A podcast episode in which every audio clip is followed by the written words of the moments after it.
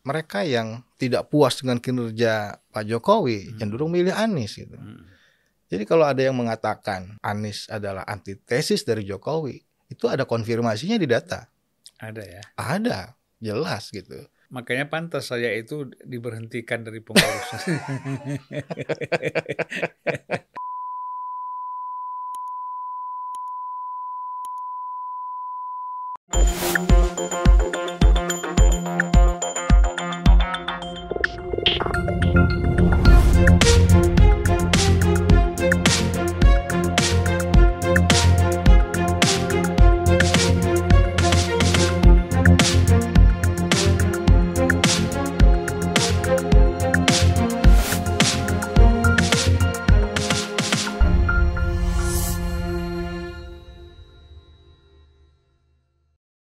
Assalamualaikum warahmatullahi wabarakatuh. Waalaikumsalam.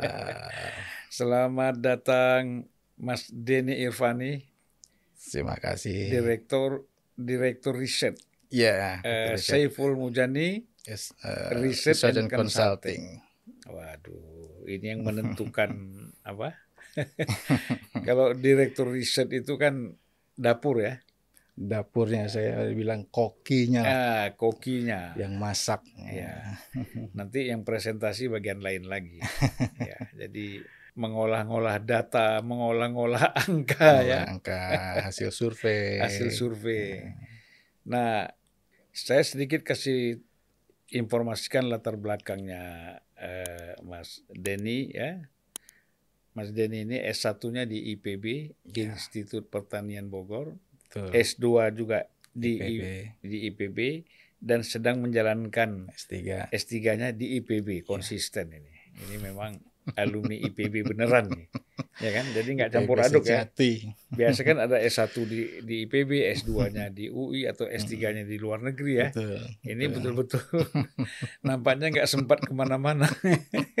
Terpaksa ngurus itu aja ya. Eh, Mas Denny, saya mau tanya ya, lembaga survei ini apa nggak bingung? Soal apa, Bang? Misalnya kan begini, peta koalisi ini kan saat pertama pasti belum ada yang yang yang utuh ya. Hmm. Kita lihat itu satu. Kedua, eh, masih apa kalau isti- istilahnya Hasan Nasbi ini masih joget-joget ini koalisi ini, ya kan? masih joget-joget kan itu. Nah kemudian yang kita lihat lagi calonnya juga, ya kok tiba-tiba muncul misalnya Prabowo Ganjar atau Ganjar Prabowo kan gitu. Hmm.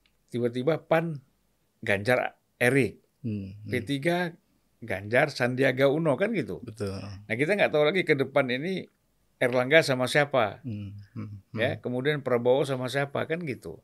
Nah maksud saya kan kalau ya kita orang awam ya dari sudut survei kan, Hmm. ini pasti lembaga survei bagaimana cara kerjanya sehingga bisa men- mengantisipasi sesuatu yang eh, kepastiannya ini belum belum ada gitu. Betul. Ya gimana? Ya, memang kan sekarang itu belum jelas siapa yang jadi calon presiden, siapa yang Hmm. jadi wakil calon wakil presiden. Kita masih menduga-duga. Mm.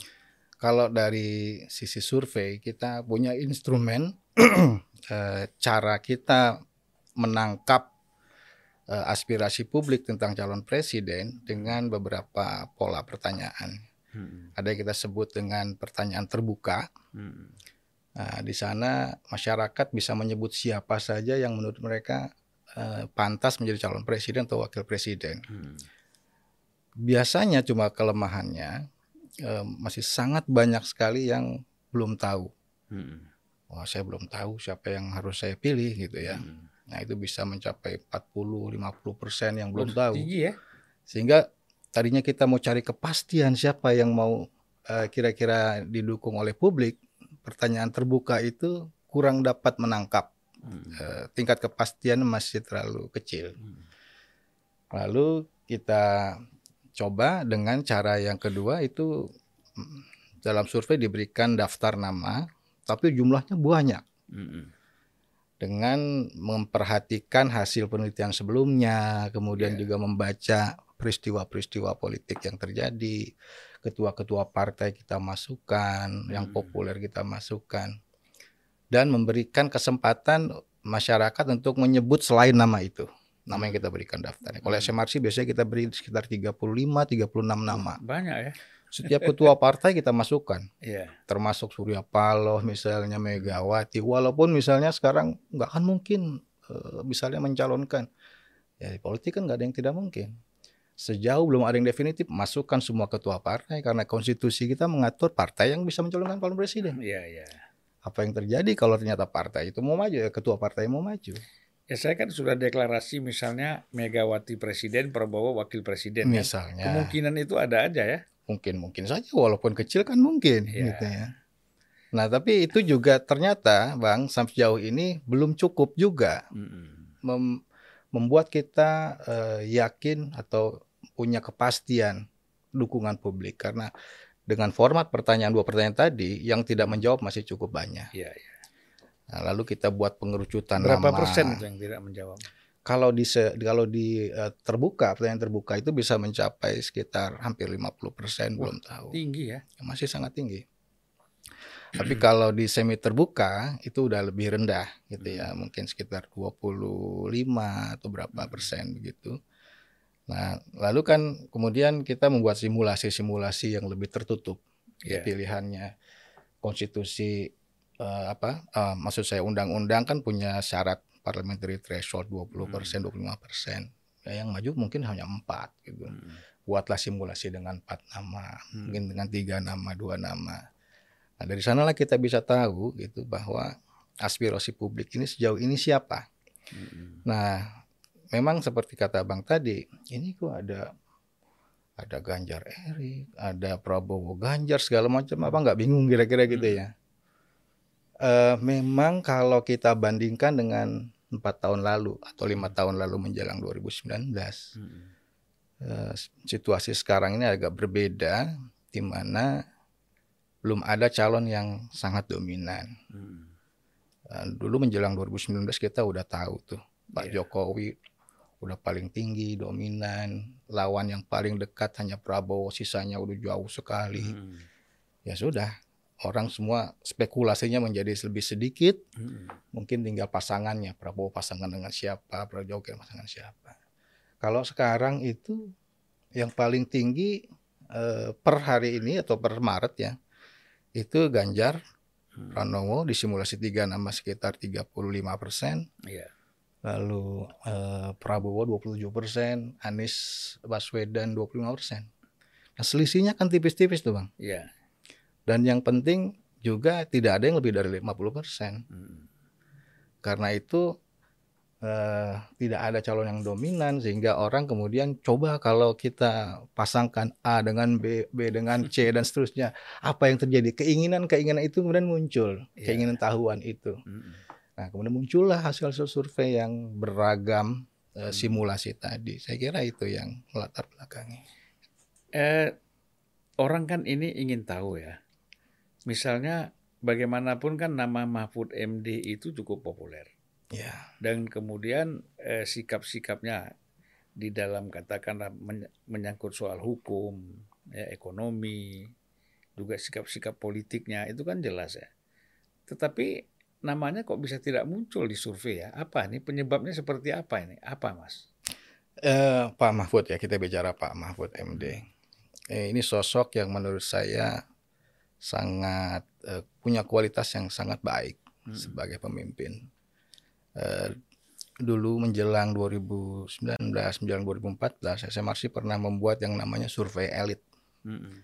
Respondennya bukan masyarakat umum, tapi orang-orang yang kita pandang well informed, Mm-mm. kayak Bang Zulfan atau eh, pemimpin redaksi media massa dan lain-lain, akademisi.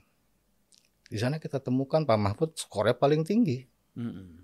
dari sisi eh, berbagai macam ya akseptabilitas dari sisi kemampuan dari Hmm. sisi integritas itu paling tinggi memang tapi ternyata eh, aspirasi elit itu nggak selalu banding lurus dengan publik Publik, ya. karena dasarnya kalau elit itu nggak punya masalah dengan eh, Mm. apa dengan popularitas hmm. dengan kedikenalan semua udah tahu Pak Mahfud.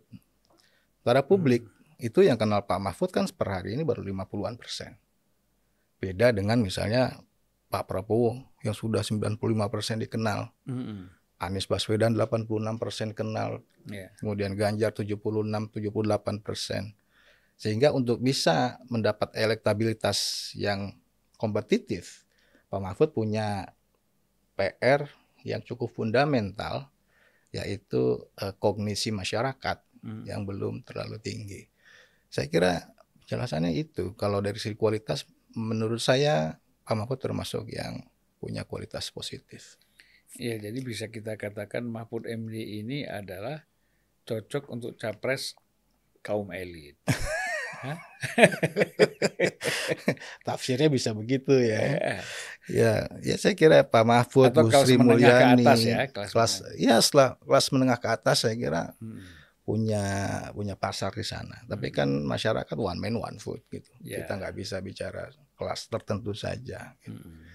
Itulah makanya mungkin bukan tidak ada nama Pak Mahfud dalam survei, tetapi yang memilih belum se uh, sesignifikan tiga nama yang saya sebut tadi. Ya, ya, ya. ya karena itu masih terbatas ya. Masih terbatas. Mungkin publishnya atau Pak Mahfud ini tidak membuat jaringan ke bawah ini kan nggak nggak ada relawannya. Betul. Ya kan? Betul. Jadi kalau sebenarnya Pak Mahfud masih bisa bikin relawan ini sampai bulan Oktober. masih mungkin. Masih mungkin. Masih 6 7 bulan lagi kan? Iya. Mas, apa sih yang membedakan karakter ya di antara karakter pemilih Ganjar kan, mm. karakter pemilih Prabowo dan Anies ini? Mm. Secara spesifik ini karakternya apa?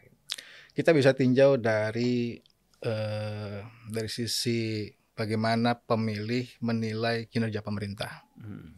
Itu terlihat berbeda di mana kutub kanan dan kiri kalau misalnya dikatakan begitu itu adalah Anies dan Ganjar. Mm orang yang sangat uh, mengapresiasi presiden itu banyak di kelompok pemilih Ganjar. Hmm. Para Anies lebih banyak yang kurang mengapresiasi kinerja Presiden Jokowi. Hmm. Nah, Prabowo itu relatif berada di tengah. Hmm. Tidak terlalu kanan, tidak terlalu kiri dalam arti yeah. apresiasi terhadap kinerja presiden. Itu satu. Kemudian yang kedua dari sisi sosiologis itu juga kita bisa lihat ada perbedaan dari sisi yang paling uh, terlihat misalnya adalah desa kota hmm. atau kelas sosial lah, pendidikan. Itu uh, Anies dan Ganjar relatif berpendidikan lebih tinggi, hmm. uh, agak kota. Pak Prabowo pendidikannya pemilih pendidik pemilihnya itu berpendidikan relatif lebih rendah dan hmm. banyak berada di desa. Kemudian dari sisi agama hmm. itu uh, Ganjar misalnya di kelompok pemilih Islam kompetitif dengan hmm. ketiga nama lain kemudian yeah, yeah. di kelompok pemilih yang non Islam itu sangat uh, besar dukungannya. Hmm. Saya kira dari sosiologis dari sisi bagaimana kerja pemerintah itu yang bisa kita lihat karakteristik dari ketiga tokoh tadi. Jadi tetapi itu ya walaupun Prabowo posisinya di tengah kan hasil survei bukan dia juga yang lebih unggul ya. Betul, betul. Nah. maksud saya di tengah itu eh, apa tidak ada perbedaan signifikan hmm. apakah Pak Jokowi kinerja bagus dan tidak dengan eh, kecenderungan pilihan terhadap Prabowo. Hmm. Jadi pilihan kepada Prabowo tidak banyak ditentukan oleh kinerja Presiden Jokowi. Hmm. Antara Anies dan Ganjar. Ganjar itu cukup ditentukan oleh bagaimana publik menilai kerja Presiden Jokowi. Kalau hmm. Presiden Jokowi kerjanya bagus, Ganjar dapat insentif. Hmm. Sementara Anies itu mendapat uh, hasil yang negatif. Kalau sebaliknya, Anies yang dapat keuntungan. Hmm. Jokowi bagus, uh, tidak bagus di mata publik, maka Anies yang dapat keuntungan. Nah, per hari ini, Pak Jokowi itu kinerjanya saya kira masih sangat tinggi. 75,9 persen hmm. per Maret 2023 yang menilai kinerja Jokowi memuaskan. Hmm. Itulah mengapa sampai hari ini Ganjar masih memimpin. Nah Prabowo itu tidak banyak ditentukan oleh uh, dua dua klasifikasi tadi, hmm. mau yang puas dan yang tidak puas.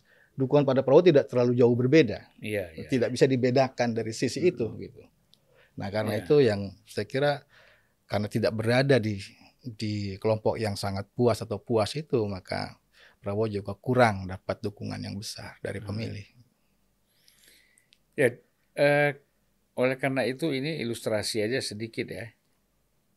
Seandainya eh, ini kan sekarang pertarungan politik kita bilang ya, Hmm. persoalan kehadiran Israel di FIFA U20 ini ya. Hmm, ya, ya menarik. Menarik itu kan. Nah, Hmm. kalau seandainya Pak Jokowi ini berhasil mencari solusi yang bisa diterima oleh semua pihak, ini kan pasti mungkin bisa naik lagi itu kepuasan terhadap Pak Jokowi ya. Tapi kalau misalnya mengalami kegagalan bisa turun kira-kira gimana Mas? Ya, semua eh, perilaku elit itu pasti akan diperhatikan oleh publik, apalagi Hmm. presiden gitu ya. Sekarang salah satu kasus yang sangat viral atau sangat eh, banyak dibicarakan ya kehadiran timnas Israel Hmm. yang ditolak eh, dalam U20 ya. Nah, ini sebetulnya menarik ya kan persoalan olahraga masuk ke politik. Hmm. Tapi Saya ti- tidak ahli di olahraganya, Iya. tapi saya membaca memang eh, ada ada beberapa poin di sana yang krusial gitu ya. Nah, kalau kita ketika kita bicara nama sebuah negara yang namanya Israel gitu, Iya, iya. saya punya survei bang, itu adalah negara yang memang mayoritas tidak disukai oleh masyarakat kita pada umumnya. Hmm. Nah, eh, karena itu munculnya penolakan-penolakan itu sebetulnya cukup me- merepresentasikan adanya penolakan apa ketidaksukaan terhadap negara Hmm. Israel ini. Tapi kan dalam hal ini publik juga tidak hitam putih melihat itu. Hmm. Ini persoalan olahraga. Ini Hmm. kesempatan bagi anak bangsa U20 Indonesia bisa berlaga dan jadi tuan rumah. Iya, iya. Banyak juga aspirasi kita dengar. Kenapa harus dikait-kaitkan dengan politik, terutama generasi muda kan? Iya, iya. Nah, di sana kan ada tarik menarik. Hmm. Nah, kita atau saya bicara dalam posisi atau kacamata saya. Nah, yang paling penting kan sekarang kalau kita bicara politik massa ya harus lihat dari kacamata publik. Hmm. Nah, SMRC memang eh, belum belum selesai melakukan survei yang kaitan dengan ini. Kita lagi jalan nih, Iya, iya. ingin tahu nih publik kasus sikapnya seperti apa. Tapi kan pendahuluannya udah ada, Mas. Iya, betul. nah, Pak Jokowi sendiri kan kita tahu sedang melakukan Iya, upaya ngirim lobby, Pak lobby. Erik ke Iya, sana. Kira-kira ada upaya juga sih gitu. Jangan sampai kita jadi nggak tuan jadi nggak jadi tuan rumah kira-kira Iya, begitu. Eh, kalau itu berhasil, bukan tidak mungkin seperti kata Abang eh, akan dapat insentif Pak Jokowi lebih disukai bisa menyelesaikan problem yang problematik seperti ini gitu ya Hmm. Sejauh itu sesuai dengan aspirasi publik yang umum. Ya, kita harus tahu dulu nih publik pengennya apa gitu ya. Iya. Kalau elit kan kita udah bisa baca nih beberapa elit misalnya Pak Ganjar punya posisi, orang PDI punya posisi, Hmm. orang PKS punya posisi. Tapi itu belum tentu Bang mencerminkan posisi publik. Hmm. Nah, itu yang sedang kita SMRC sedang coba gali juga. Hmm. Nah, kita belum saya belum dapat angkanya Hmm. apakah di atas 60% yang ingin tetap dilakukan walaupun ada Israel atau tidak itu saya belum bisa bicara banyak. Hmm. Termasuk juga ap- apakah elektabilitas eh, Erik misalnya kan Hmm. itu kalau dia berhasil ini dia naik atau kalau dia gagal turun itu belum bisa dibaca juga ya. Belum, tapi sangat mungkin dan logis Hmm. gitu ya. Kan Pak Erik di sana punya punya nama yang relevan untuk kita bicarakan sebagai ketua PSSI. Hmm. Eh, dan ini sangat disorot begitu ya. Kalau ternyata ya tadi seperti halnya Pak Jokowi mampu mencari jalan keluar gitu. Hmm. Saya kira atribusi kepada Pak Erik juga akan punya nilai elektoral. Ya. Sejauh ini memang Pak Erik masih eh, belum sekompetitif tiga nama teratas.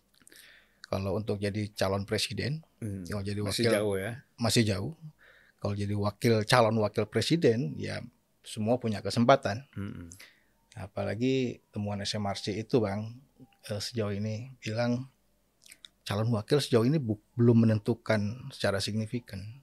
Gitu ya. Betul. Hmm. Jadi kita coba misalnya Ganjar dipasangkan dengan A, B, C, D, itu ya nggak jauh beda, nggak naik secara Hmm. signifikan jadi tadinya 35 jadi 40 atau 50, nggak juga. Hmm. Orang itu lebih milih sebenarnya calon presidennya. Presiden ya. Jangan lupa Pak Jokowi dulu berpasangan dengan Pak Ma'ruf. Ma'ruf Amin kan nggak populer sama sekali, Iya, iya. tapi bisa menang tuh misalnya.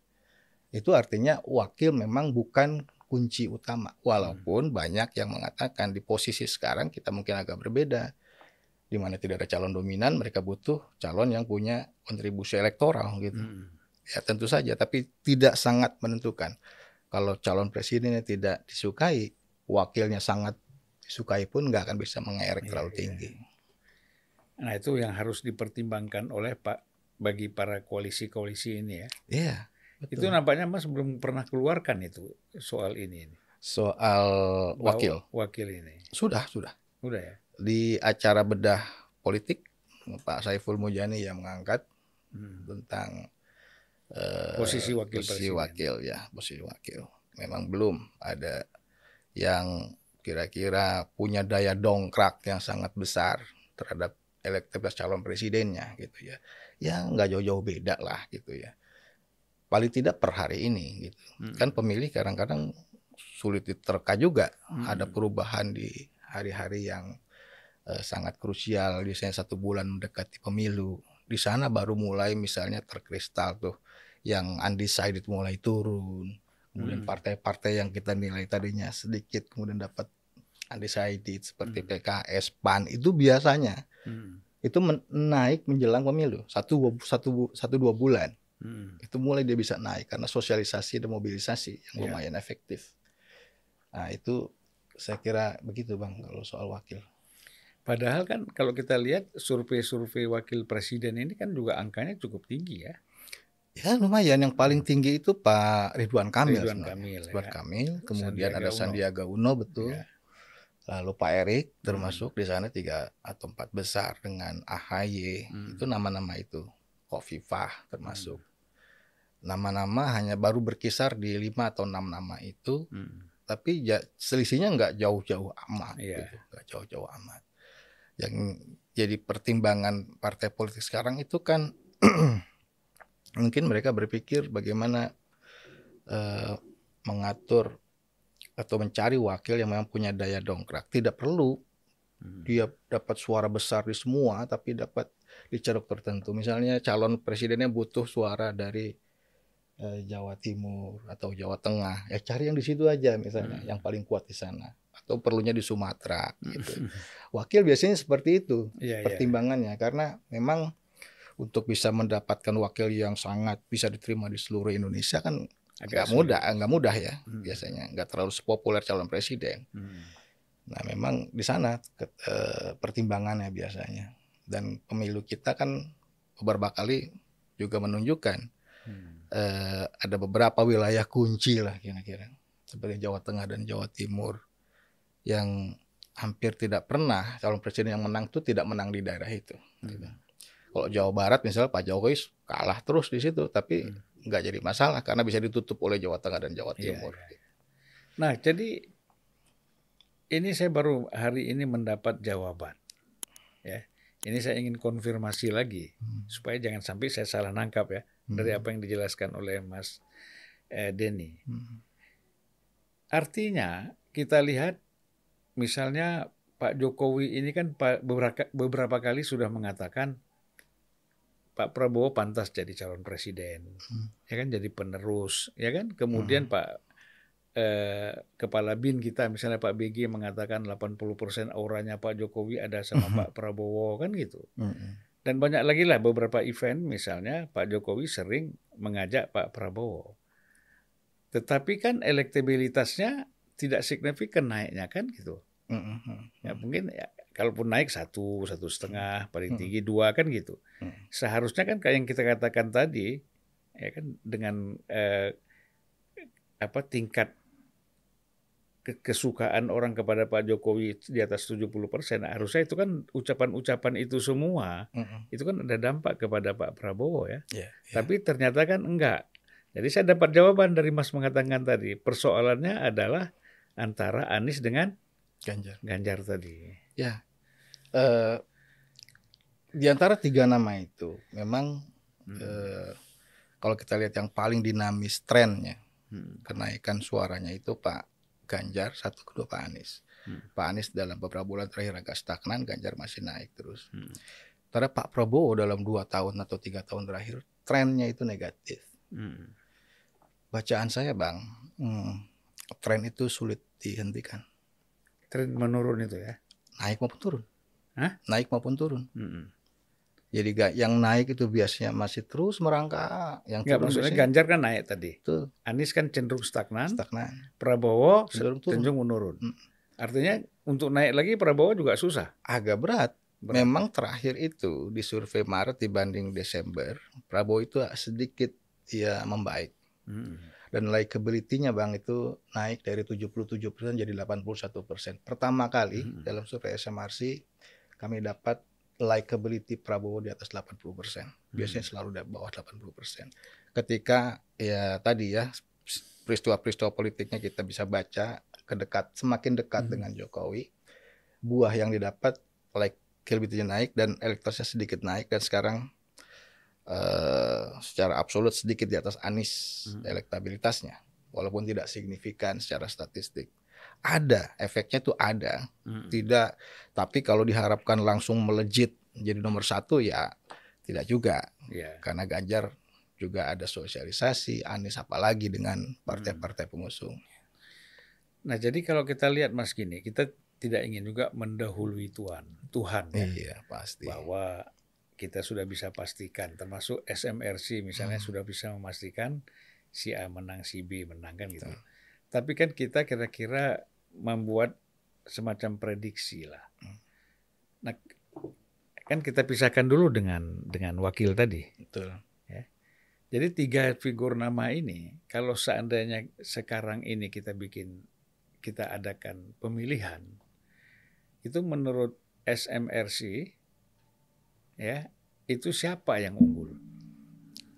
Per hari ini yang unggul Ganjar, Ya, kedua eh, Anies, Mm-mm. ketiga Prabowo. Kalau Iya, pemilihan, oh terbalik eh, Prabowo baru Anies ya, per hari ini ya. Nah, tapi ini bang, saya kasih tambahan sedikit. Mm. Di hari H itu kan bisa diasumsikan semua orang tahu calon. Mm-mm. Beda dengan hari ini. Hari ini yang tahu Ganjar baru 78 persen. Mm. Nggak sepopuler Prabowo, nggak sepopuler Anies 86. ya, Ketika hari H nanti sama popularitas ketiga tokoh itu di mata publik, maka Ganjar semakin kuat, Anies sedikit di atas Prabowo, Prabowo paling bawah. Mm. Jadi kalau kita mau proyeksi gitu kira-kira Hmm. ke depan, prediksi gitu. Di hari H kemungkinan kalau tiga nama ini Ganjar, Anies, Prabowo. Iya, Dan kita tahu tiga nama itu tidak ada yang dapat 50% lebih. Mm-mm. Maka bisa di dua putaran. Iya, iya. Anies versus Ganjar. Ganjar. Kalau Prabowo maju ya, Kalau tiga nama itu maju. kalau Prabowo nggak maju kan sweet misalnya Prabowo jadi wakilnya Ganjar, bagaimana? Ganjar. Nah, itu Nah. cerita lain. Ya, cerita lain. Belum pernah disurvei itu ya? Eh, ada, tapi memang eh, kita masih terus kaji eh, apa sejauh mana konsistensi dari eh, pasangan-pasangan itu. Hmm. Pemasangan antara Ganjar dengan Prabowo, bukan hanya Ganjar Prabowo, Ganjar misalnya dengan eh, Ridwan Kamil, itu juga Hmm. kita coba pernah kita coba gitu ya. Gak jauh-jauh beda amat tuh bang. Iya ya. Orang mungkin punya ekspektasi Ganjar 35, Prabowo 27, 35, 27, 60, 2 gitu. Hmm. Begitu bang. Ya hitung-hitungnya nggak matematis. Nggak begitu karena A Y itu sama dengan X1 tambah X2 tambah error. Ada errornya bang. Oleh Iya, statistik itu. Nah error itu yang bisa negatif gitu. Bisa menurunkan dari Hmm. X1 dan X2.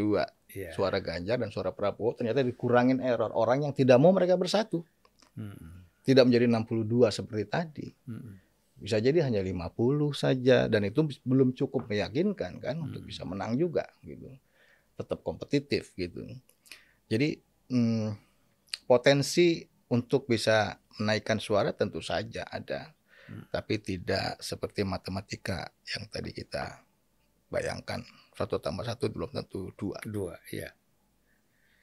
Nah itu yang harus dipahami betul oleh para pimpinan-pimpinan koalisi ya. Betul. Kalau nggak dihitung persis seperti ini, dia mereka main hitung aja. Wah ini kita kalau Prabowo 60 sekian persen, padahal Padahal yang harus dilihat errornya tadi. Ada error yang bisa negatif ada yang mungkin tidak suka saya udah nggak suka sama Prabowo dari zaman dulu kalau ada dia ya nggak mau nah. bisa jadi dia tidak ikut memilih hmm. bisa jadi ikut memilih sebaliknya lawan yang lain misalnya yeah. kan ada gitu makanya harus ada simulasi yang memang betul-betul dilakukan eh, pasangan itu kita hmm. pernah baca ya di beberapa media online itu ada simulasi itu eh, cukup tinggi lah elektabilitas Ganjar dan Prabowo. Tapi menurut saya eh, belum eh, bisa dipastikan apakah pasti akan menang satu eh, sekali satu, putaran misalnya begitu. Eh, beda dengan misalnya kasus dulu ketika menjelang 2019 Pak hmm. Jokowi udah 60 persen berkali-kali hmm. walaupun kemudian di ujung menurun 59, 57 hmm. dan terakhir 55. Hmm. Sekarang seingat saya posisinya paling 51 atau 52 ada error survei sekitar tiga persen bisa 49 hmm. gitu.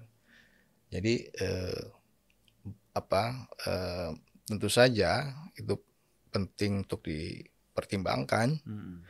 tapi belum tentu itu satu-satunya pilihan untuk yeah. bisa memenangkan pertarungan. Jadi bisa bergeser juga ya? Bisa bergeser. Hmm. Eh, ya apalagi kita juga secara ini belum bisa lihat nih kalau dua dua tokoh itu apakah bisa bersatu apa enggak gitu ya. Hmm. Uh, elit kita tahu elit uh, Gerindra Pak Hashim bilang wajib Prabowo yang jadi nomor satu, yeah. orang PDIP bilang Ganjar harus nomor satu, belum tentu loh. PDIP belum bilang Ganjar mas. Eh maaf, kadernya, kadernya, kadernya, kadernya harus nomor satu. Kadernya. Nanti kita disalahin lagi nih. Kader PDIP harus nomor satu kan gitu. Ya. Walaupun saya tahu lah kalau ya, termasuk Ganjar kan. Ya, Ganjar gitu. maksudnya. Di dalamnya ada Ganjar sebagai kader. Iya, maksud saya kan itu. saya takut juga soal nanti disalahin. maksud saya itu.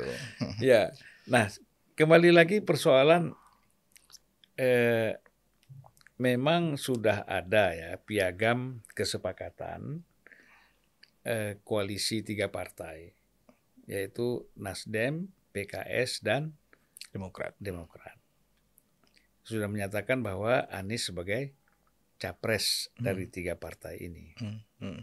ya kan? Nah kalau kita lihat sejauh mana soliditas, ya kan? konsistensi dari tiga partai ini betul-betul bisa mengusung Anies. Apakah dari hasil survei misalnya atau kalau ada ya eh, melihat bahwa kemungkinannya juga masih masih bisa berubah gitu. Kalau perilaku elit ya kita bicara perilaku elit di sana hmm. uh, bukan perilaku publik. Ya. Hmm. Tentu tidak bisa dijawab dengan survei opini publik. Gitu. Hmm. Oh. Apakah elit ini kemudian nanti katakanlah partai A keluar dari koalisi itu, PKS misalnya tiba-tiba hmm. keluar gitu, tinggal dua nggak cukup mencalonkan Anies itu kan serba mungkin gitu ya. Uh, tapi kalau menurut saya uh, semuanya itu masih akan sangat cair gitu bang. Hmm. Poros koalisi itu masih hmm. kita lihat Eh, peristiwa-peristiwa politik yang terjadi di tingkat elit itu kan hmm. kelihatan sekali.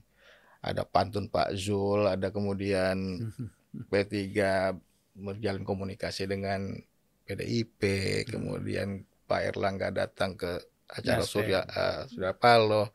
Itu kan menunjukkan bahwa betapa cairnya hmm. uh, poros-poros yang sekarang katanya sedang dibangun itu sangat mungkin dan bukan tidak mungkin beberapa waktu ke depan poros perubahan untuk persatuan yang katanya sudah ada piagam itu hmm. juga bisa ternyata berubah. Hmm. Kan piagam-piagam seperti itu terjadi juga sudah dilakukan oleh PKB dan Gerindra misalnya. Yeah. Nah, ternyata ada semacam ya kita lihat sedikit ketidakharmonisan antara kedua partai itu di yeah. Iya. uh, beberapa waktu terakhir tidak menjadi jaminan gitu menurut saya eh, piagam-piagam itu sampai pada Oktober atau November pendaftaran calon presiden masih mungkin koalisi persatuan atau apa perubahan, perubahan. itu akan memiliki pola yang berbeda ya, ya. atau bahkan tidak jadi misalnya ya. tidak ada yang tidak mungkin jadi belum bisa apa belum bisa dipastikan ya belum bisa dipastikan walaupun memang memang di antara tiga empat poros yang ada sekarang termasuk PDIP yang poros sendiri katakanlah begitu hmm. ya eh, poros perubahan untuk persatuan ini paling paling maju lah relatif paling maju dalam arti capresnya mereka sudah sepakat gitu ya. Tentu wapresnya yang belum sepakat, walaupun tentu wapres itu bukan hmm. persoalan yang mudah gitu ya. Bisa jadi gagal gara-gara cawapres gitu hmm. padahal gitu. Tapi kan relatif paling maju nih sementara ini. Justru yang lain KIB belum jelas siapa calon presidennya. Hmm. PDIP belum menentukan. Kemudian PKB dan Gerindra itu juga sedang yeah. agak kurang harmonis misal bacaan saya setidaknya iya, iya. demikian yeah, yeah. gitu eh, setidaknya sekarang ini tiga ini eh, yang paling progresif lah gitu ya hmm.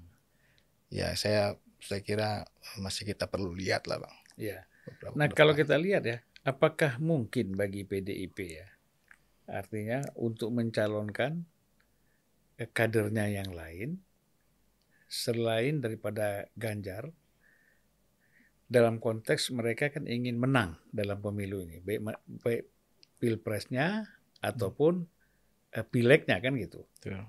Nah, apa mungkin mereka ini eh, posisi yang diharapkan itu akan bisa tercapai tanpa mencalonkan Ganjar misalnya?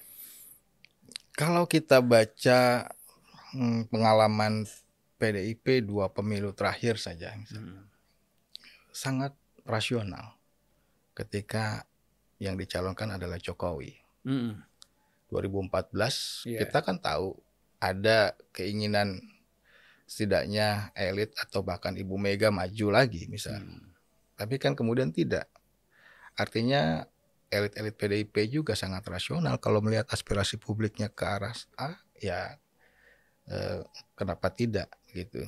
Nah sekarang ini Bang memang di antara kader-kader PDI Perjuangan yang paling dapat aspirasi publik paling tinggi itu Pak Ganjar Pranowo. Yeah. Walaupun ada elit-elit PDIP yang lain yang juga disebut namanya. Kita sebut saja Pak eh, Ibu Puan, Puan Maharani gitu.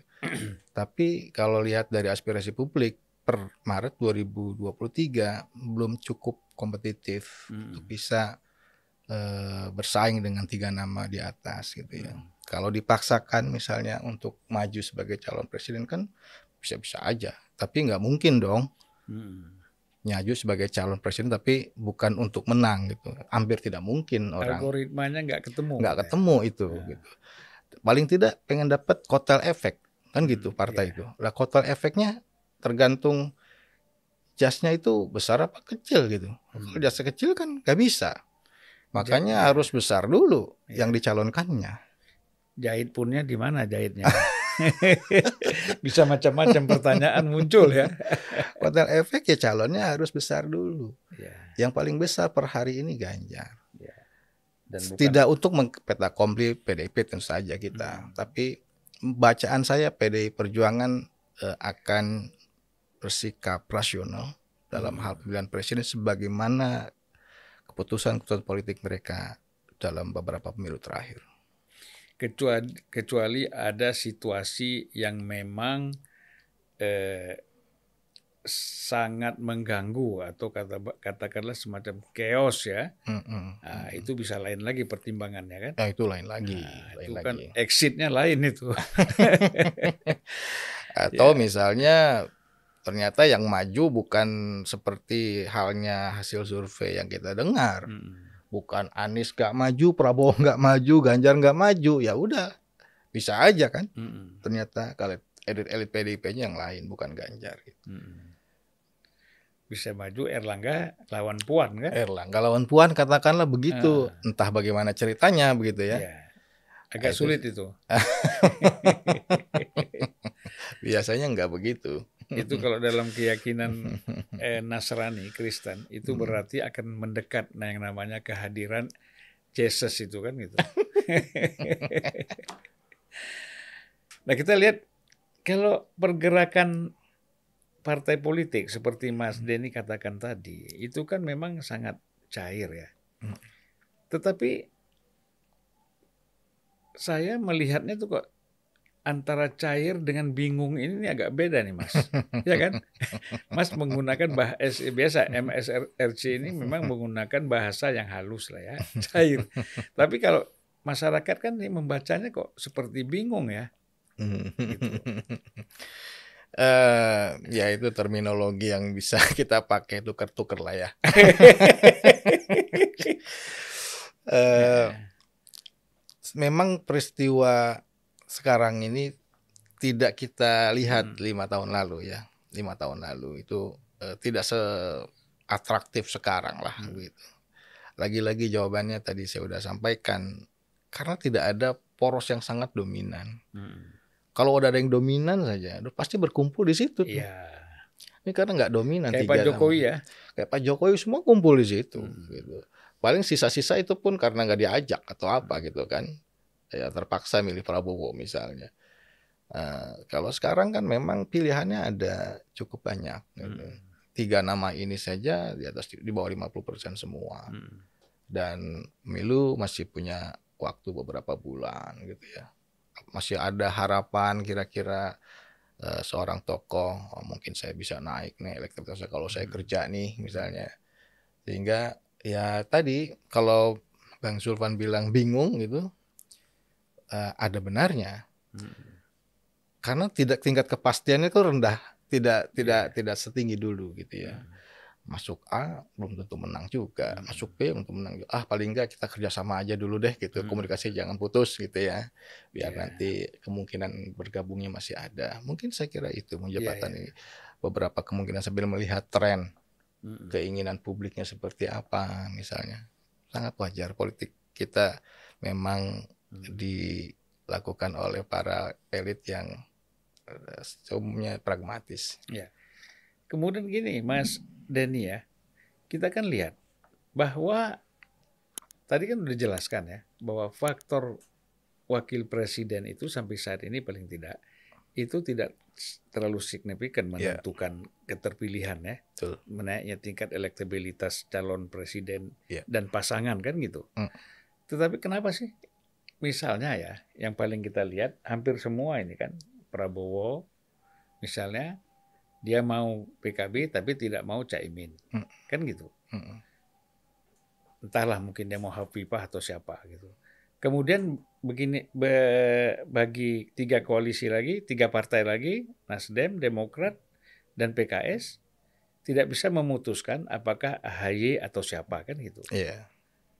Nah, sebaliknya juga eh, Ganjar kalau Ganjar ini belum ya? Belum jelas. Belum jelas ini karena dia sendiri kan belum diputuskan dia calon presiden atau bukan kan hmm. gitu. Sehingga tidak menjadi tidak bisa masuk di pembahasan ini.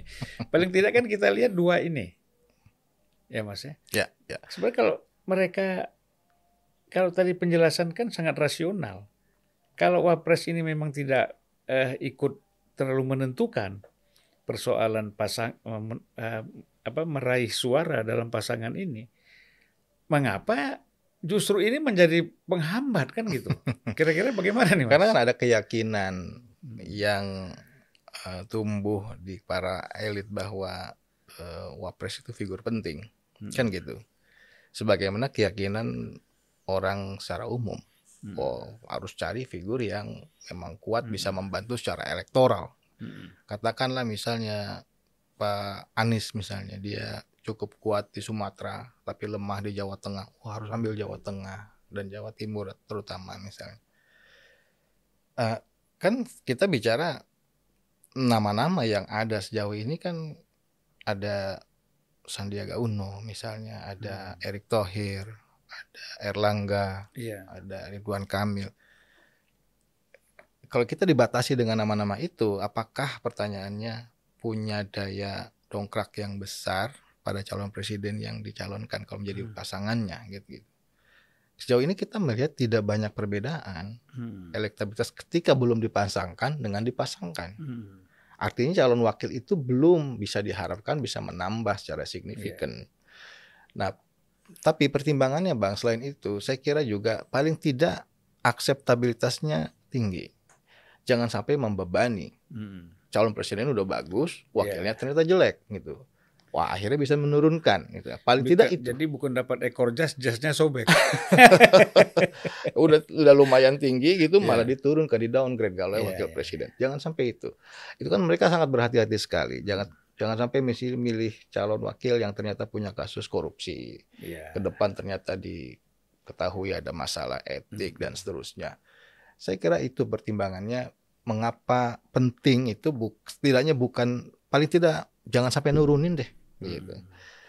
Saya kira itu. Ya tapi kan sebenarnya kalau persoalan latar belakang korupsi, hmm. kelemahan-kelemahan yang ada, ini kan sudah berapa bulan, hampir setahun ini kan harusnya sudah diketahui kalau faktor itu ada ya mas ya. Eh, ke depan kan bisa aja bang, tiba-tiba muncul kasusnya. Gitu ya. Iya dong, kan masih ada enam bulan nih makanya eh, kita belum tahu nih gitu wakil presiden siapa. Itu hmm. salah satu pertimbangannya pasti ke sana. Hmm. Oh ternyata ada kasus A gitu, nggak mungkin nih. Hmm. Ke depan mungkin mungkin aja bisa terjadi. Ya, bisa muncul tiba-tiba. Bisa muncul ya. tiba-tiba ya. gitu. Dalam enam bulan siapa yang tahu? Ya, menjadi gitu. beban ya. Betul. Itulah mengapa belum diputuskan saya kira hmm. jauh-jauh hari. Pertimbangan mereka akan sangat hati-hati. Begitu udah diputuskan maka akan membuat ruang tembak hmm. bagi uh, lawan politik kan gitu. Ini kita bicara kabar-kabar angin ya kabar-kabar angin kan. Angin itu kan kabarnya bisa ada bisa enggak kan gitu Mas. itu ini konon kabarnya salah satu juga yang membuat memperlambat koalisi ini ada elit-elit partai yang bermasalah dalam aspek hukum. Itu kira-kira gimana? Ada nggak itu tercium gitu, Mas? Uh, sejauh belum Eh, menjadi pemberitaan di media massa publik pasti belum tahu. Hmm. Kan saya membaca perilaku publik nih. Iya, iya. Gitu ya. Di tengah publik eh, apakah tahu ada elit partai misalnya kena korupsi ya tergantung kasusnya sudah me, me, me, atau terekspos atau belum gitu hmm. gitu ya saya tidak tahu yang abang bicarakan siapa gitu hmm. Gak ada, gak ada. Ini gak, gak ada suuzon. nah, biasanya itu kalau udah ada pemberitaannya gitu ya, hmm. uh, ya kita uh, apa? Uh, misalnya ada juga kan gubernur hmm. uh, di wilayah tertentu gitu ya yang uh, diberitakan ada kasus uh, tertentu kasus korupsi yang belum jelas masih penyelidikan misalnya. Hmm Ah, itu pasti akan menjadi pertimbangan ya, bagi ya, partai. Artinya keterkaitan Wah, ya. Keterkaitan. Ada keterkaitan ke sana. Hmm. Dikhawatirkan gitu hmm. akan menjadi uh, meluas ketika di uh, diekspos oleh media mendekati pemilu. Iya, iya. Hmm. Saya kira memang ya secara terbuka memang belum ada. Ini kan baru bicara bisik-bisik aja. ya kan? Bisik-bisik kan belum tentu bisa kita percaya kan. Betul, betul. Walaupun bisik-bisik tetangga suami istri bisa cerai ya. Tapi biasanya elit bisik-bisik pun udah mulai diperhitungkan, Bang. Iya. Biasanya. eh, jadi kalau kita lihat kan survei SMRC itu kan men menyatakan Nasdem ini di survei ini paling tinggi nih, Mas di Maret ya. ya di Maret ini dibandingkan dengan survei-survei sebelumnya kan 4 persen, 5 persen, ini kan 7,4 ya. Iya, 7 7 persenan. 7 persenan. Nah artinya kan kita melihat bahwa setelah mendeklarasikan Anies, Nasdem ini kan renggang sekali dengan Pak Jokowi kan, Betul. punya jarak yang begitu katakanlah tidak intim seperti sebelumnya. Tetapi surveinya kan naik. Nah, kira-kira ini apakah faktor Anies atau faktor memang eh, yang tadi yang tidak suka ke Pak Jokowi eh, ikut mendukung atau memilih Nasdem? Ya, eh, Nasdem itu eh, SMRC pernah juga merilis di awal-awal ya, di awal-awal hmm. eh, mendeklarasikan Anies atau akan mendeklarasikan Anies. Hmm. itu sudah mulai terlihat ada perubahan wajah pemilihnya Hmm. dari yang sangat pro pada pemerintahan Jokowi Hmm. menjadi semakin berkurang. Kemudian dari sangat kuat di timur menjadi kurang kuat di timur, Iya. gitu. agak ke barat misalnya. Hmm. Tapi kemudian itu kan dinamis bang. Eh, ketika dideklarasikan oleh Nasdem, Anies itu, eh, Nasdem belum dapat insentif elektoral. Hmm. Ketika dilakukan analisis cross tabulasi, maka pemilih Anies paling banyak itu ditarik oleh PKS satu, Hmm. kedua Demokrat, Hmm. ketiga baru Nasdem paling kecil dapatnya. Hmm. Karena orang belum yakin dengan Nasdem. Iya. Tapi per Maret ini saya lakukan analisis cross tabulasi, ternyata Nasdem mendapat lebih banyak dibanding dua partai yang lain. Hmm. Eh, Demokrat paling kecil menarik suara pemilih Anies. Hmm. Karena itu Demokrat juga di survei Maret ini relatif lebih rendah dibanding sebelumnya. Hmm. Jadi ada tarik menarik terutama antara Nasdem dan Demokrat. Hmm. Wajar karena dua-duanya partai nasionalis. Iya. PKS beda sendiri, beda Hmm. cerita gitu ya. Nah, jawabannya kenapa eh, naik ya saya kira Hmm. karena sosialisasi yang eh, sangat sangat sering dengan Anies membawa-bawa Anies ke mana-mana sehingga eh, ada cukup banyak pemilih yang Hmm. eh, mendukung Nasdem gara-gara mereka memang memang sudah awal memilih Anies. Tapi yang menarik kan Anies sendiri stagnan. Hmm. Aniesnya stagnan gitu ya. Jadi kalau pemilunya sekarang Nasdem ya memang naik, tapi Aniesnya nggak jadi presiden gitu. Hmm. Jadi kan persoalannya sekarang kan nggak cukup dong gitu, Hmm. punya kursi lumayan tapi calonnya ternyata nggak jadi calon jadi Ya, presiden. Posisinya di luar kabinet ya. Akhirnya jadi keluar kabinet. Mereka harus berjuang nih sekarang nih mati-matian bagaimana calon presidennya harus menang juga Hmm. gitu. Untuk apa menang pileg aja gitu. Iya, iya. Saya kira itu yang membuat Nasdem mengapa jadi 7%. Hmm. Memang saya kira ini eh, hasil survei yang belum ada presidennya di SMRC eh, dapat 7% itu biasanya di sekitar 4 persen Hmm. gitu. Tapi ke depan kan pasti partai-partai pendukung Anies tidak tinggal diam seperti Demokrat yang Hmm. sekarang lagi ditarik oleh Nasdem pemilihnya Hmm. itu pasti akan sekuat tenaga juga berebut gitu. Iya, iya. Eh, Apalagi kan saya dengar katanya setelah menandatangani piagam kerjasama ini itu eh, tidak lagi hanya Nasdem yang membawa Anies keliling Indonesia ya, ya tetapi harus tiga partai Tiga ini bersama-sama. betul. Itu mungkin situasinya nanti setelah dua bulan tiga bulan disurvei lagi berubah bisa lagi. berubah lagi ketika ternyata oh tidak identik dengan Nasdem Mm-mm. kan gitu masyarakat kan tidak seperti abang Hmm. yang punya pengetahuan yang sangat luas gitu Mm-mm. mereka tahunya oh Anies Nasdem gitu Anies Nasdem nah begitu Anies Nasdem PKS Demokrat nah, bingung mereka udah mulai Mm-mm. kembali lagi ke asal misalnya Iya. siapa tahu begitu Mm-mm. nah itu yang jadi tantangan bagi eh, Nasdem sekarang apakah mereka bisa mempertahankan posisi yang sudah lumayan bagus sekarang ketika mereka tidak lagi Hmm. bisa identik dengan Anies ke depan Nah, apa sih yang menyebabkan misalnya ya eh, resistensi dari Pak Jokowi misal dianggap gitu terhadap Anies ini dalam aspek apa, Mas? Kan Kalau kita lihat sebenarnya biasa-biasa aja ya. eh kalau perilaku elitnya ya, perilaku elit Pak Jokowi sendiri gitu ya, Hmm. dengan Anies ya kita bisa baca memang tidak sejalan gitu ya, tidak sejalan. eh, ya dulu kan mulai dari pemil pemilihan gubernur eh, Pak Jokowi punya preferensi tentu saja. Ya. Kita tahu Pak Ahok gitu Ya. ya, lalu kalah. Dari dari situ kan sudah jelas gitu mereka saya kira eh, Tidak harmonis. tidak tidak sat, tidak sejalan lah, Tidak tidak, sejalan. sejalan. gitu. Hmm. Walaupun dulunya sejalan, tapi kemudian tidak sejalan.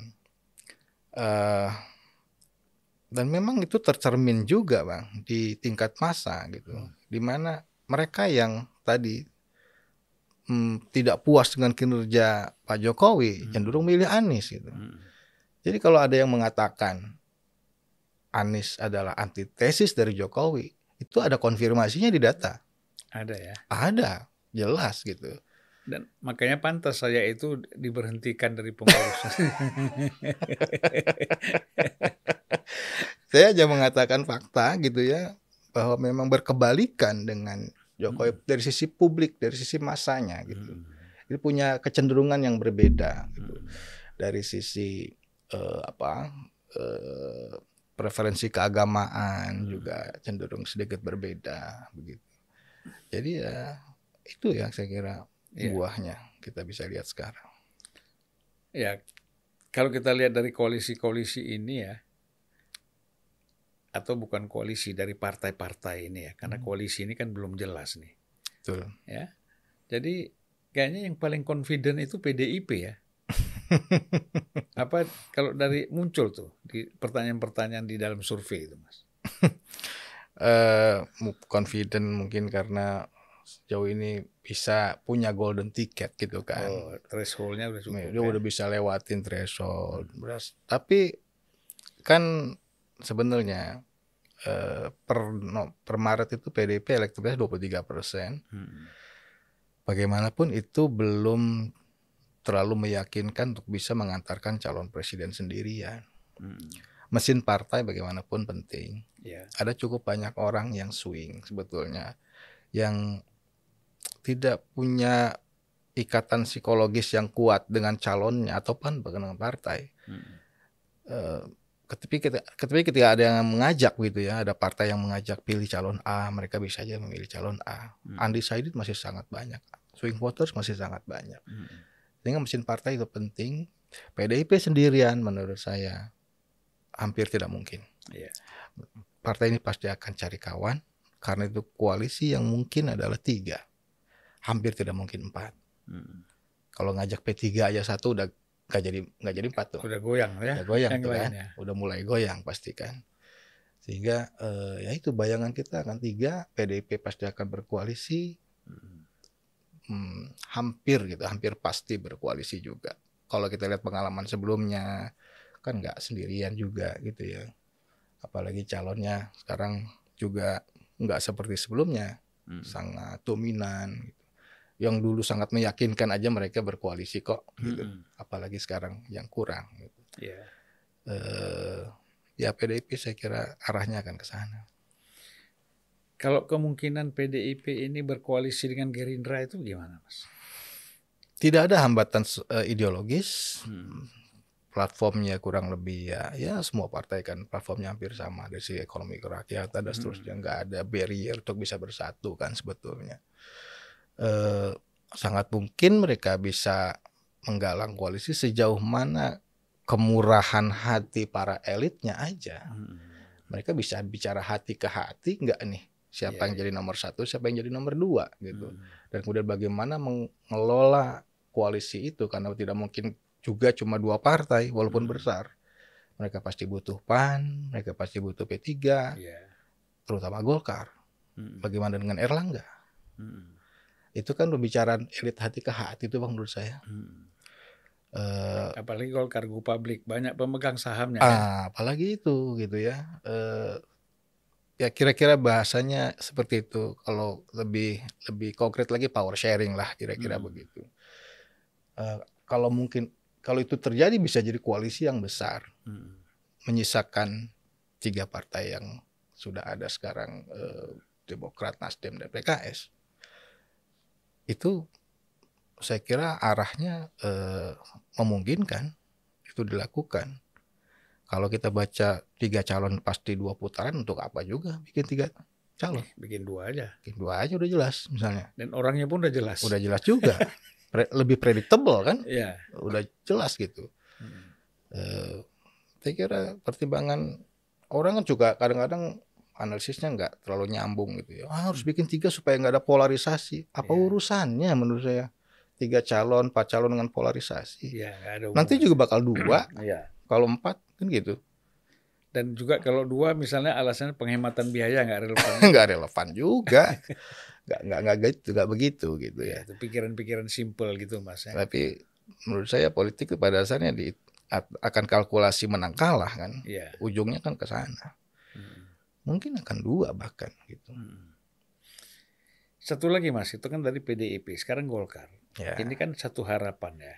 Hmm. Golkar ini dengan masuknya Ridwan Kamil ke dalam Golkar ya, karena dia memang posisi nomor empat ya sebagai calon presiden kan. Betul. Kalau survei-survei yang kita lihat, termasuk di sini juga kan di Ya, SMRC, SMRC ya. juga.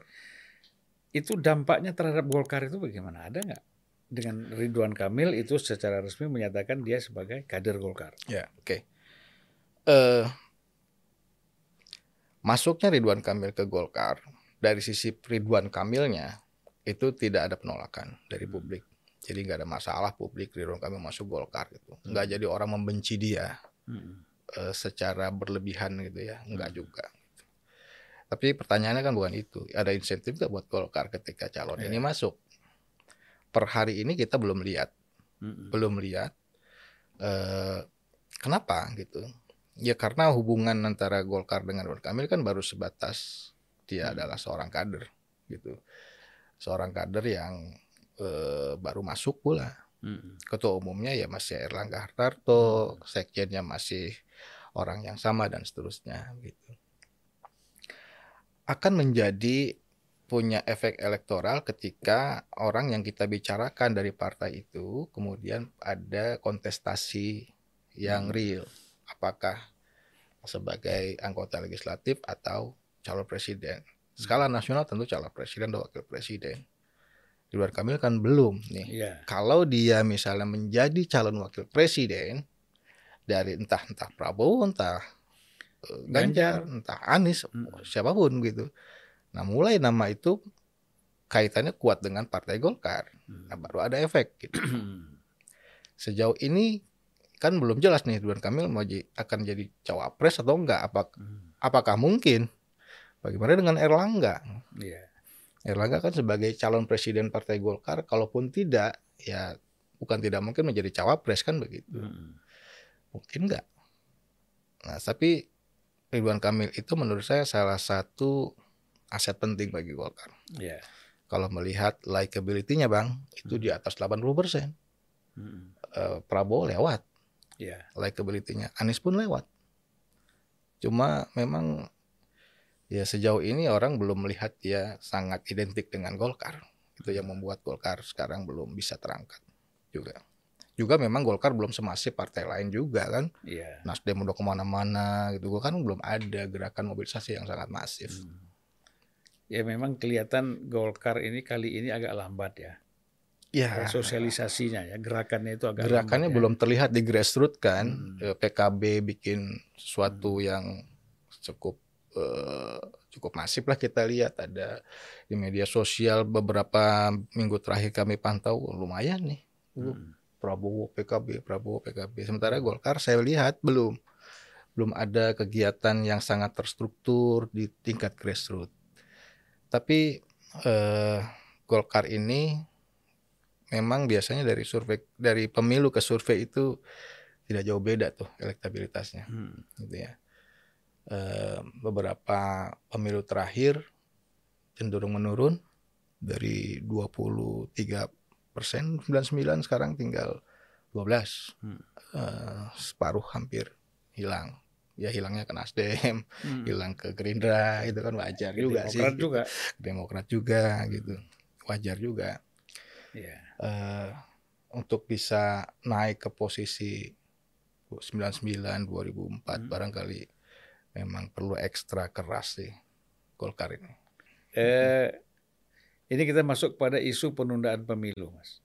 Hmm, Nah, menarik. ini kan kadang-kadang sayup-sayup, kadang-kadang muncul lagi kan. Hmm, hmm. Jadi bergelombang ini persoalan isu penundaan pemilu ini. Nah ini apakah dari hasil eh, menurut SMRC ini memang persoalan ini cukup signifikan persoalan isu penundaan pemilu ini. Iya ini isu yang nggak mati-mati ya. Hmm. Saya kira tadinya berpikir tahun 2023 udah mati, Iya. ternyata masih ada. Hmm. Karena masih ada SMRC pun lakukan penelitian yang berkali-kali Hmm. menanyakan ke publik, setuju nggak kalau pemilu diundur? Hmm. Itu 80-an persen nggak setuju, Ya setuju ya. nggak setuju. Itu bukan isu yang populer Hmm. dan bagi saya eh, menjadi penting menjadi catatan bagi pemerintahan Jokowi terutama karena ternyata ada ada pengaruh yang kuat juga tuh sikap publik terhadap penundaan pemilu, apalagi presiden tiga periode ya Hmm. itu dampaknya negatif terhadap Iya. Jokowi. Ketika isu itu sangat kuat sekali dan penolakan ada di mana-mana Hmm. pada tahun lalu, itu Jokowi eh, approval ratingnya di bawah 70% tuh, Bang. Apalagi ada keputusan pengadilan negeri itu ya. Iya. Makanya eh, ini isu yang sangat tidak populer. Hmm. Saya tidak tahu arahnya akan ke mana gitu ya. Tapi publik perlu diperhatikan aspirasinya mayoritas sekitar 80% tidak mau pemilu diundur. Kira-kira apa yang menyebabkan kalau dari segi jawaban mereka apa yang menyebabkan mereka sangat tidak setuju itu, Mas? Eh, kita kan nanya secara spesifik. Ada beberapa argumen nih. Pemilu diundur karena perlu pemulihan ekonomi. Setuju atau enggak? Pemilu diundur karena apa namanya IKN belum selesai. Setuju apa enggak begitu. Hmm. Dengan berbab, beberapa eh, format lah kira-kira argumen di balik pemilu perlu diundur yang kita dengar dari media massa. Hmm. Kita tes ke publik semuanya enggak ada yang di approve Iya. semua nggak ada yang di approve itu nggak ada urusan gitu dengan dengan pemilu apa IKN penting Hmm. penyelesaian ekonomi pemulihan ekonomi penting Hmm. tapi publik itu pun di kepala mereka udah jelas walaupun penting nanti tugas pemerintahan selanjutnya Iya. tidak perlu menjadi concern pemerintahan sekarang Hmm. itu aja publik Apalagi kan presiden Pak eh, apa partainya Pak Jokowi sendiri, Ibu Mega dan PDIP sendiri kan menolak ya. Iya, itu kan pemilu. Ya menarik gitu ya Hmm. menarik bahwa bukan hanya tidak populer di tingkat massa di Hmm. tingkat elitnya pun tidak tidak terlalu populer Iya. kan saya kira ini hanya eh, aspirasi beberapa kelompok saja yang masih ada kepentingan tertentu barangkali begitu yang kurang bisa membaca arah aspirasi publik Hmm. yang sebetulnya sangat berlawanan dengan itu Pak Jokowi ini kan sebenarnya beberapa kali sudah mengatakan bahwa artinya kita menangkap ya dari eh, pesan-pesan Pak Jokowi itu dia juga tidak menginginkan ada penundaan pemilu kan. Betul. Tetap- ya, tetapi beberapa anggota kabinet misalnya kan itu mengatakan masih juga tiga periode Mas tiga periode pemilu. Wah, ini pemilu. ini memang aneh ini. Ya. Eh bagi saya eh memang Jokowi tidak salah gitu ya mengatakan apa eh, ada secara simbolis kurang setuju tapi juga tidak terlalu eh, apa jelas pesannya. Yang saya dengar misalnya dulu ya ini aspirasi publik yang perlu kita hormati gitu. Hmm. nggak usah ada lagi ya kayak kayak gitu. Tapi sikapnya tidak begitu firm misalnya saya tidak ingin maju tiga periode. Saya cuma akan sampai 2024 dan kita firm pemilu harus dilakukan pada 14 Februari Hmm. sefirm itu memang kita juga belum lihat Iya, iya. Jokowi. Perlulah ya, untuk lebih untuk lebih meyakinkan orang-orang yang punya kepentingan ini bahwa isu ini Hmm. sudah tidak perlu lagi diperjuangkan. Publik nggak perlu diyakinkan Iya, karena publik sudah punya preferensi sendiri mereka nggak mau iya. nggak mau pemi- Presiden Jokowi tiga kali periode bukan mereka tidak suka pada Jokowi Iya, iya, iya. tapi mereka itu di kepalanya sudah ada konstitusionalisme presiden ya dua kali aturan mainnya Iya, iya. saya hargai bapak bagus gitu Hmm. tapi kali ini sudah waktunya yang lain untuk Iya. bisa membangun Orang takut jadi presiden juga ya. ya Hmm. itu juga. Bahayalah bagi aktivis demokrasi terutama kan wah ini bisa-bisa kayak makan nasi padang gitu kan Hmm. kurang nambah misalnya kan nggak Ya. begitu ya sudah. Oh, oh. udah waktunya turun di stasiun ini kok nggak mau turun gitu kan nggak bisa gitu Ya Padahal yang udah. mau du- kan yang berdiri itu tinggal mau duduk, nggak duduk-duduk ini, ya kan? Sudah. kita ya. sesuai aja dengan aturan main. Itu yang keinginan publik yang saya baca. Ya. Ya, jadi memang menarik ya kalau kita apa membahas persoalan-persoalan eh, politik menjelang pemilu ini. Namun kan gini mas, satu hal lagi yang kita lihat proses pemilu ini berjalan kayaknya belum berjalannya ini tidak terlalu smooth ya. Hmm. Terbukti kira-kira 10 hari yang lalu itu kan Menteri Dalam Negeri, KPU, DKPP, Bawaslu kan di dipanggil oleh Komisi 2. Hmm.